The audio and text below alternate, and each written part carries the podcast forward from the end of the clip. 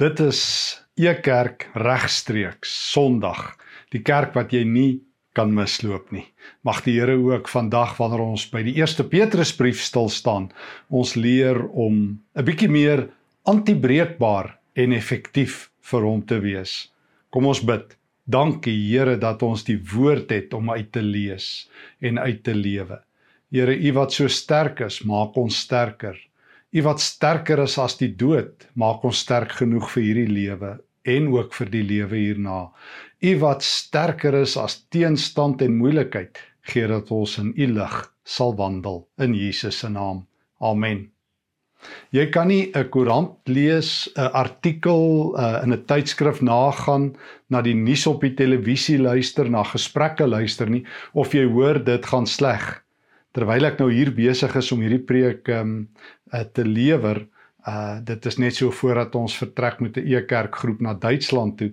Um is dit fase 6 beerdkrag met 'n dreigende fase 8. Ek lees in vanoggend se koerant meer as die helfte van gegradueerdes in Suid-Afrika wil nou immigreer. Ek hoor Christene praat ook so agter die hand dat die dinge nou klaar is. Suid-Afrika se toekoms is nou verlede.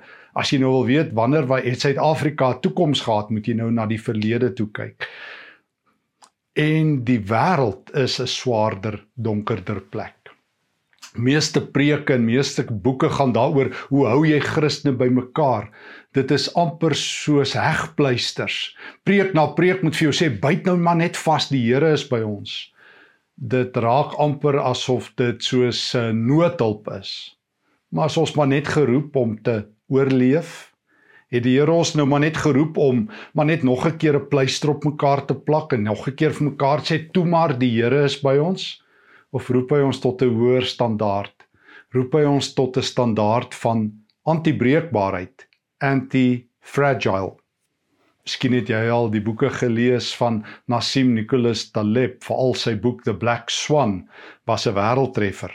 As ek reg onthou, skryf hy in 2014 ook 'n boek met die titel Anti-Fragile, antibreekbaar.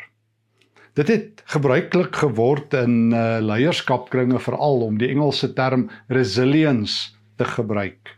Um 'n soort tenacity, verskoon die Engelse woorde, 'n soort um vasbyt sodat die stelsel en die swaar kry van die lewe nie maak dat jy van koers af gaan nie die term resilience het te maak met hoe jy teen die stelsel kan bly staan en jouself bly as te ware. Antibreekbaar, soos Taleb dit beskryf en ek dink 1 Petrus nog meer waarby ons gaan stil staan, is om nie net te oorleef in 'n stelsel wat sleg en onseker en onveilig en gevaarlik en onvoorspelbaar is nie, maar om sterker te word Hy sê jy moet gaan kyk 'n mens se liggaam wanneer jy aanhoudend oefen, oefen word sterker. Ehm um, sodat jy 'n bietjie meer antibreekbaar raak. Hout wat jy in 'n skip sit en buig raak 'n bietjie antibreekbaar. Wonde wat littekens word, vertel jy's 'n bietjie sterker, 'n bietjie meer antibreekbaar. Dit het gebruiklik geword tereg ook om in die kerk op ons eie broosheid, ons feilbaarheid te fokus. Um Henry Nouwen vir wie ek baie lief is, het juis gesê we are wounded healers en die klem op ons eie breekbaarheid. Maar nou is ons almal so breekbaar dat ons net stikkend is. Ons is nou soos die rugby spelers wat 'n 10 minute blaaskans het en nou langs die veld sit en nie meer kan speel nie want ons is stikkend en gewond en verwond en 'n nutteloosheid eintlik vir die Here.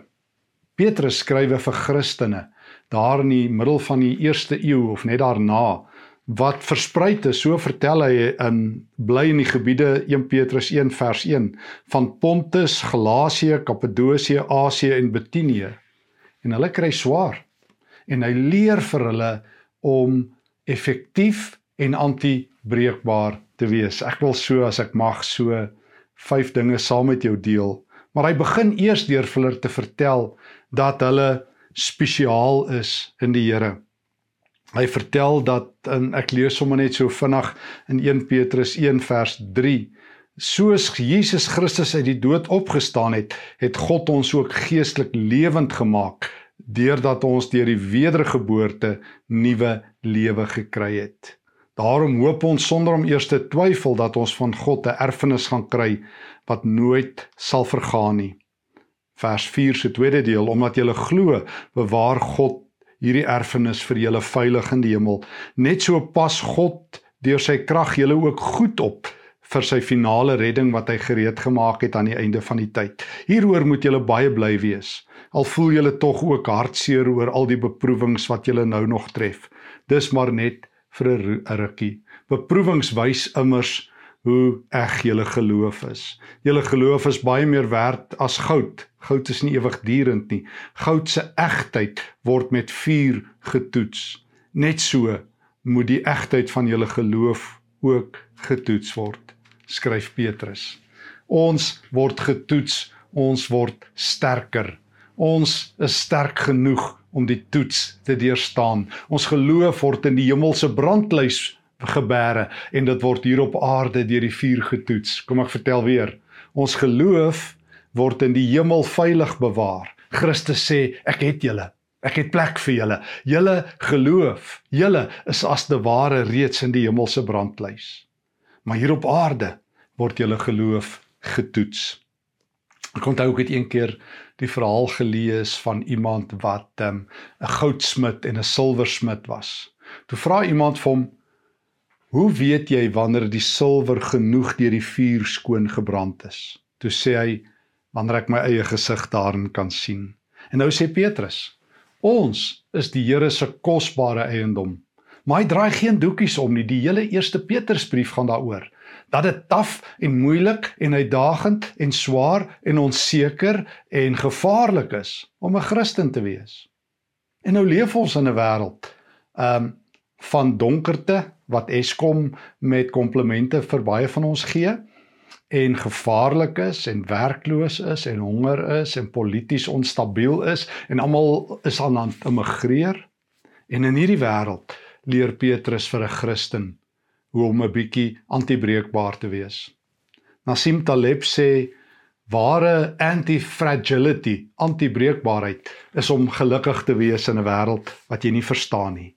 Ons is behep moet verstaan. Van kleins af het ek gehoor sê mense vir mekaar: "Toe maar, jy sal later verstaan. As iets slegs gebeur, jy sal later verstaan." Hoekom moet ons verstaan? Ek het nou die dag weer vir iemand gesê, "Wat help dit my om na die tyd te verstaan? Ek wil nou lewe." As jy antibreekbaar is, is jy gelukkig sonder dat jy verstaan. Dis een van die geheime. En hier's die eerste manier hoe jy dit doen. En ek wil 'n paar gedeeltes saam met jou sommer net so lees uit uh, eh, 1 Petrus 2 en verder. Jy is al hoe meer antibreekbaar vir die Here as jy laag hoog doen as jy laag hoog doen. Um ek lees saam met jou in uh 1 Petrus 2 vers 18. Hy sê huiswerkers, wees by die nodige respek gehoorsaam aan die baas van die huis. Dit geld nie net vir goeie en gawe baase nie, maar ook vir hulle wat julle sleg en onregverdig behandel. God sien dit raak as iemand wat gedurig daarna streef om te doen wat God wil hê, seer kry omdat iemand anders hom op 'n onregverdige manier leed aandoen. So doen nederige dinge tot eer van die Here. Jy sê jou werk is nie lekker nie. Join the club van miljoene mense. Die eerste Christene, Petrus praat hier met huiswerkers, manlike slawe. En hy sê doen onbelangrike werke stylvol. Doen dit soos die Nederlanders sê spectacularly spectacular. Um doen dit met oorgawe vir die Here. God sien dit raak. O, ek het in die kerk groot geword dat God raak sien, dat God ons sien, dat die wiel draai. Maar weet jy wat sien God regtig raak? Wanneer jy onreg goed vat. Wanneer jy 'n lae werk hoog doen. Wanneer jy die kasregister tot sy eer slaan. In die 17de eeu was daar 'n monnik wat vandag baie bekend is, Brother Lawrence. Hy het in 'n klooster, 'n karmelitiese klooster in Parys gewerk. Hy was 'n soldaat en toe sy gewond en met hierdie verwonde liggaam het hy sy lewe aan God begin wy. Hy het vertel een keer hoe hy na 'n boom gesit en kyk het wat uh, amper dood was en toe kom daar nuwe lewe. En so het hy agtergekom doen God met hom. Hy bring nuwe lewe. En toe word hy as te ware letterlik ja, die skottelgoedwasser, die laagste werk in die klooster. Mense het begin hoor van hierdie vrolike skottelgoedwasser en sy sy hulp kom soek want die hoof van die klooster het hom sleg behandel. Maar hy het dit met oorgawe gedoen. Hoor net hoor net hoe vertel brother Lawrence in een van die boeke wat um, mense sy woorde neergeskryf het. Hy sê um it's not needful that we should have great things to do. We can do little things for god. I turn the cake that is frying on the pan for the love of him. And that done Um, if there is nothing else called to call me, I fall down and I worship Him who has given me the grace to work. Afterwards, I rise happier than a king. It's enough for me to pick up a straw from the ground for the love of God. Brother Lawrence kon in die klein groot gesien het. Hy kon laag hoog doen vir die Here. Jy kry resilience jy kry 'n antibreekbaarheid as jy teen die stroom in geluk vind in dit wat almal haat. Wanneer jy 'n kar wag met oorgawe is wanneer jy 'n huiskoonmaker met oorgawe is wanneer jy met liefde leef. Ek het al vertel van die kar wag wat Maritjie en ek um, verlang geken het wat nou weer weg is um, wat vir ons gesê dis sy roeping om 'n goeie kar wag te wees. Hy doen dit vir die Here Paulus skryf vir die gemeente in Kolosse, skryf hy juis vir die Kolossense um wat ook um mense het wat lae werke moet doen. Skryf hy vir hulle om ook hierdie soort resilience te hê in Kolossense hoofstuk 3. Hy sê um vir die slawe vers 22. Slawe, gehoorsaam julle aardse baase in alles. Moenie net gehoorsaam wees as hulle julle dophou nie. Moenie hulle probeer beïndruk sodat hulle van julle moet hou nie. Doen dit met 'n opregte hart. Doen dit omdat jy 'n groot eerbied vir die Here het. Ja, doen wat jy doen vir die Here. Wat jy ook al doen, doen dit met entoesiasme, doen dit met jou hele hart. Um vir die Here en nie vir mense nie. So Petrus leer dit, Paulus leer dit, die lewe leer dit. Jy leef anderster, jy oorleef nie net nie, maar maar jy word sterker wanneer jy selfs die verveligheid, die klein goedjies, die die nuttelose dingetjies nuttig maak vir die Here. Wanneer jy tee maak vir die Here, wanneer jy huis skoon maak vir die Here, wanneer jy motor bestuur vir die Here, wanneer jy net niks doen nie vir die Here. Tweedens, jy ehm um, word 'n ag 'n beter agterlater. So jy doen, het ons mekaar sê laag, hoog, klein, groot, min, baie maar jy word 'n beter agterlater. Laat ek verduidelik. Ek lees saam met jou 1 Petrus 2 vers 13. Petrus sê: "Wees ter wille van die Here 'n gehoorsame burger binne elke menslike instelling waar jy julle bevind. Dit maak nie saak of 'n koning daardie hoogste gesag is of sy amptdraers nie. Um God wil hê vers 15 dat julle deur julle goeie lewenswyse 'n einde sal maak aan die onkunde wat mense wat geen insig het nie praat. Leef as vry mense, maar moenie jou jou vryheid gebruik om verkeerd te doen nie. So Petrus kom en hy sê leef die wêreld beter, wees 'n beter agterlater, los dinge en mense beter as wat jy dit gekry het. In Suid-Afrika is dit die mode om te sê, jy weet in die ou dae was dit nog alles daar, het alles gewerk. Bloemfontein het gewerk, Pretoria het gewerk, die weermag het gewerk, Eskom het gewerk, universiteit het gewerk, nou nie meer nie. Nou maar maak dit beter. Uh iemand wat ek geken het, ehm um, wat oorlede is, Quintus Smit was 'n uh, leierskap opleier regdeur Afrika, vroeëre kapelaan, ook 'n leraar. En 'n ander vriend van ons het my vertel Quintus het altyd 'n skroewedraaier by hom gehad. Gewoon net om daar waar hy in Afrika oorgebly het in hotelle as die stort nie werk nie, gou die stort reg te maak. As die kraan nie goed gewerk het nie, gou die kraan reg te maak. Hy het alles beter gelos as wat hy dit gekry het. Hy het nie maar net in die koerant geskryf waar gaan alles heen nie of hoe swak is die diens in die bank nie.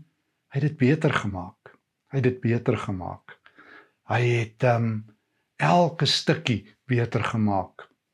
soos nou die dag toe ek sien waar 'n dominee en 'n paar mense eenvoudig net die potholes regmaak. Hulle maak dit net beter. Kan nie almal regmaak nie, maar kan 'n paar regmaak. Kan nie alle mense se lewens verander nie, maar ek kan in jou lewe belê. So Paulus, Petrus leer die Christene een, uh, doen klein groot, dan bou jy, dan word jy anti-fragile, anti-breekbaar. Wees 'n goeie landsburger, wees gehoorsaam, wees positief. Moenie net sê waar gaan alles heen nie. Maak Suid-Afrika beter, stukkie vir stukkie. En al word dit nie beter nie hou aan. Die Here het nie vir ons gesê ons moet 'n suksesvolle lewe agterlaat nie. Hy het vir ons gesê ons moet 'n getroue lewe leef. Hy het vir ons gesê ons moet aan hom gehoorsaam wees. As ons almal net pad gee en almal net een kant gaan sit op die paviljoene, dan sou ons nie besig om die lewe van een Petrus te lewe nie. Derdens, Petrus sê respekteer alle mense. So word iemand wat laag hoog doen, iemand wat 'n beter agterlater is, wat alles beter los as wat jy dit gekry het, verhoudings, mense, situasies, toue waar jy by die bank staan, maak dit beter omdat jy in die tou staan. Maar derdens, uh wees iemand wat alle mense respekteer. Petrus sê dit pad langs, pad langs. Um ek het dit al so baie keer gelees omdat hierdie een van die kritiese tekste van die Nuwe Testament is oor die wil van God, krities belangrik. Petrus sê nadat hy in vers 15 gesê het julle moet um um goed doen dat 'n einde kan bring aan die kwaad wat mense praat. Dit is God se wil. Jy moet goed doen. Verduidelik hy wat beteken goed doen. Respekteer alle mense. Hê medegelowiges lief. Jy moet ontzag hê vir God en die koning eer. Ha, jy leef antibreekbaar as jy lewe van respek lewe. Niemand het respek vir mekaar nie. Mense loop oor mekaar. Kyk net hoe gaan dit op sosiale media. Christene het nie eens meer respek vir mekaar nie. Christene maak mekaar verdag, beskinder mekaar, breek mekaar af en Petrus sê jy raak meer antibreekbaar as jy mense respekteer. Paulus leer my hoe in Filippense 2. Hy skryf dit daar in Filippense 2 dat die gesindheid van Christus moet in ons wees. En hoe is die gesindheid van Christus? Hy vertel in 2 in Filippense 2 vers 6 tot 11 dat Jesus homself prysgegee het, dat hy sy lewe opgeoffer het. En nou sê Petrus vir ons, um vers Moenie enigiets doen om jouself te bevoordeel nie of om te spog hoe goed jy is nie. Doen alles in nederigheid. Kyk op na mekaar. Beskou ander mense as belangriker as jouself. Moenie net vir jouself sorg of jou eie belange bevorder nie. sien mekaar raak en help mekaar. Kyk op na mekaar. Al wat van help mekaar oorgebly het is laat 'n skool daarna vernoem is hier in ons wêreld lyk dit vir my. Petrus sê jy respekteer mense deur hulle te help. Daar is plek op jou skouers. Galasiërs 6. Tel 'n paar laste op en dra dit. Daar is sente in jou in jou in jou in jou beurs. Jy is nie so arm soos jy gedink het nie. Help iemand in nood. Ehm um, daar is geleenthede elke dag in Suid-Afrika om respek te bewys. Doen dit doen dit. Groet iemand in die ry voor jou. Praat met mense. Vra wat kan jy vir mense doen? Leef hierdie goeie wêreld anderster. Jy moet met vasbyt met integriteit lewe. So ehm um, as jy dink jy gaan die wêreld verstaan, ons gaan in 'n wêreld leef wat toenemend nie verstaanbaar is nie. Jy dink ehm um, al wat die kerk moet doen is maar net om te bid dat die wêreld moet beter word. Wat as dit nie beter word nie? Eh, nee wag, jy moet my nie verkeerd hoor nie. Ek glo God is die hoorder van gebed en natuurlik moet ons bid dat dit beter word. My probleem is net wat maak ons in 'n wêreld as ons in 'n wêreld van 1 Petrus lewe waar Petrus nie gesê het bid die wêreld beter nie, hy het gesê leef die wêreld beter sodat jy kan bid. Hy sê in 1 Petrus 3 vir die mans, hy sê hy sê wanneer dit swaar gaan in hulle huwelike, hy sê ehm um, vir die mans, hy sê leef eerbaar met jou vrouens sodat jy kan bid. So sê nou, sê nou, sê nou ons wêreld gaan bly soos dit is. sien jy kans daarvoor? Sê nou dit gaan donker bly soos dit is. Sê nou ons land gaan arm bly soos ons is. sien jy kans daarvoor? Is jou hoop regtig in Christus geanker? Kan jy kan jy met resilience, met weerstandigheid lewe? Um bedoelende um stroom op vir God bly lewe? Kan jy um laag hoog doen? Al het jy 'n nederige werk, al het jy amper nie werk nie, kan jy dit steeds vir die Here doen? Dit is om antibreekbaar te wees. Kan jy um respekvol lewe? Kan jy opkyk na mense? Kan jy stil bly? Kan jy stil bly vir die Here? Petrus sê 'n belangrike ding, want ek het my lewe lank geleer ons moet opstaan vir die Here. En ek, Stefan, was 'n regte straatvegter vir die Here. Ek het 'n swart beld in straatveg as te ware vir die Here gehad toe ek 'n jonger prof was. So ou verskil vat ek hulle op die Bybel en ek vat hulle nie fliek toe nie. En ek vertel vir hulle presies wat die Bybel sê. En toe het ek op 'n dag agtergekom, dis nie altyd die gesindheid van Christus nie. Hoor 'n bietjie. So die gesindheid van Christus bly partykeer stil vir die Here. Bly partykeer stil vir die Here. Petrus skrywe vers 21 1 Petrus 2 dis julle roeping. Christus het vir julle gelei, so het hy vir julle 'n voorbeeld gestel sodat julle in sy voetspore kan volg. Jesus het nie sonde gedoen en niemand bedrieg met dit wat hy gesê het nie. Toe mense hom sleg gesê het, het hy nie terug sleg gesê nie.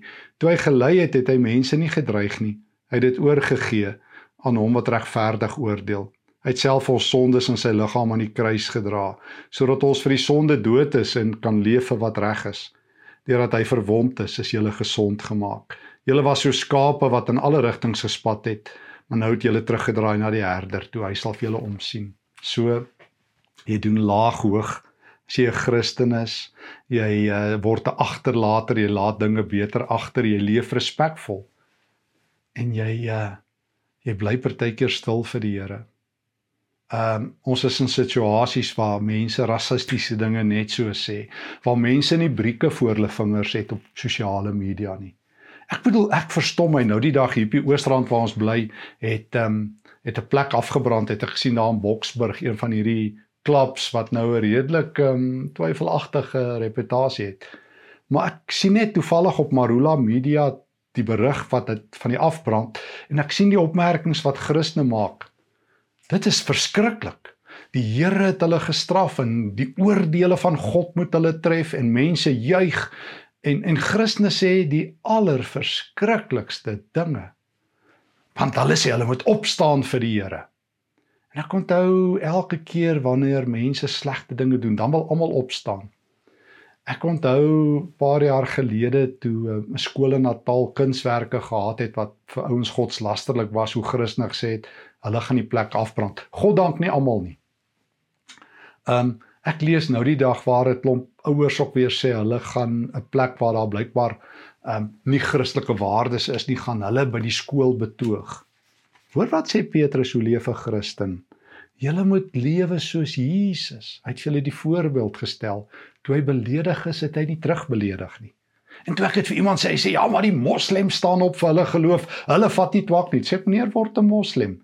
My Here het die wêreld gewen deur partykeer stil te bly deur met sy liggaam aan 'n houtkruis te praat, deur nie kwaad met kwaad te vergeld nie soos Paulus in Romeine 12 skryf, deur liefdevol te wees. So jy raak 'n bietjie meer antibreekbaar.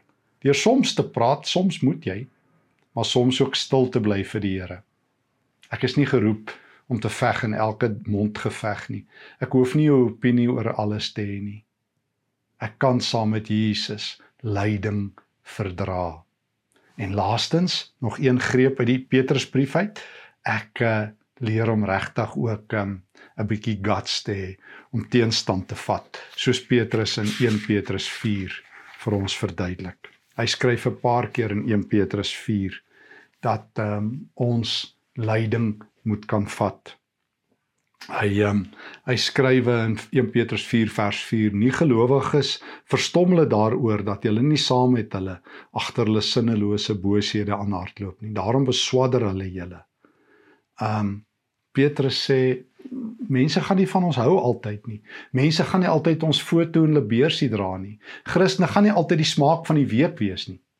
Ja, ek weet mense hinker terug na die goeie ou dae toe mense nog 'n dominee getuigskrif gevra het. Toe dit nog die grootste sonde van die week was as iemand op 'n Sondag gras gesny het. Nou voel almal 'n veer, of jy 'n Christen is of nie. Suid-Afrika is besig om al hoe meer soos Europa al hoe meer nie gelowig, ateïsties, ongelowig te word. Het jy nou gedink um, dit is nie in die geval nie? En daarom sê Petrus nou kort jy 'n stukkie weerstandigheid. Hy sê die einde van alles is naby, vers 7.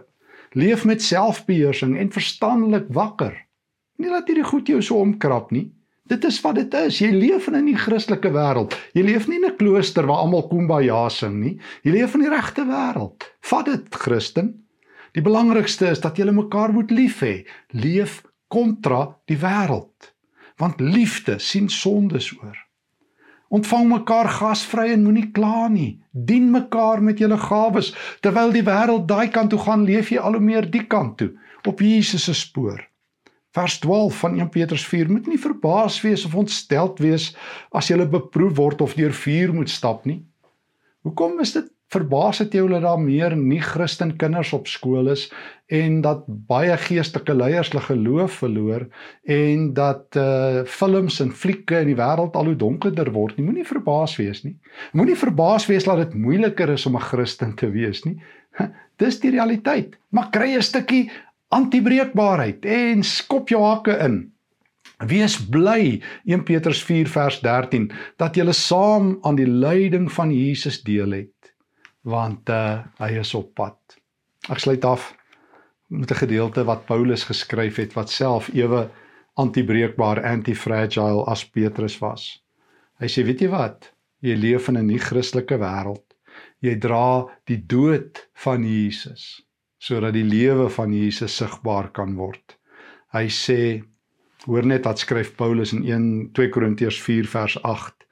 Hy sê of kom ek lees vers 7 ook. Ons is soos kleipotte waarin die kosbare skat van die evangelie gestoor word. Al die krag en die oorvloed behoort aan God. Dit kom van hom af, nie van ons af nie. En alles wat ons doen, beleef ons teenstand. Nogtans spat ons lewens nie uitmekaar nie. Ons ken nie al die antwoorde nie. Nogtans is ons nie totaal en al radeloos nie. Ons word vervolg. Nogtans word ons nie deur God in die steek gelaat nie. Ons word onderste bo geloop. Nogtans word ons nie stikkend gebreek nie. Altyd dra ons Jesus se lyding en dood saam met ons eie lyf. Ons is gedurig in doodsgevaar. Nogtans word die nuwe lewe van Christus ook sigbaar in ons lyf. En dan sê dis hoekom vers 16 ons nooit moedeloos word nie. Al is ons uiterlik besig om swakker te word en stikkend te raak, gebeur net mooi die teenoorgestel hier binne ons. Dag vir dag word ons innerlik nuut gemaak. Jy die keuse, breekbaar of antibreekbaar. Antibreekbaar op die Here se terme. Ons geloof word in 'n brandlys in die hemel bewaar. Hier op aarde word ons geloof getoets. So as jy getoets word, doen minder kleinlike ding, klein dingetjies beter vir die Here. Laat dinge en mense beter agter vir die Here. Hanteer mense met respek. Bly stil soms vir die Here en kry 'n stukkie vasbyt en guts. Jy gaan nie uitmekaar spat nie. Jy is nie maar net 'n 'n hoopie wat nie eers weet vir môre jou geloof gaan hê nie. God is by jou. Jy gaan nie uitmekaar spat nie. Leef tot sy eer. Al vergaan jy uiterlik, innerlik word jy vernuwe. Dankie Here vir hierdie sterk boodskap wat 1 Petrus met ons deel dat ons sal vasbyt vir U maak ons sterker, meer antibreekbaar in Jesus se naam. Amen. Dankie dat jy saam met U kerk reis. Uh, soos gesê, um, ek het hierdie preek voor die tyd opgeneem omdat ons saam met 'n uh, E-kerk groep in uh, by die passiespel is, maar uh, mag die Here se woord sy by jou aankom met krag en lewe by jou aankom. Vrede vir jou en dankie vir jou betrokkeheid by E Kerk en ook by ons noodprogramme.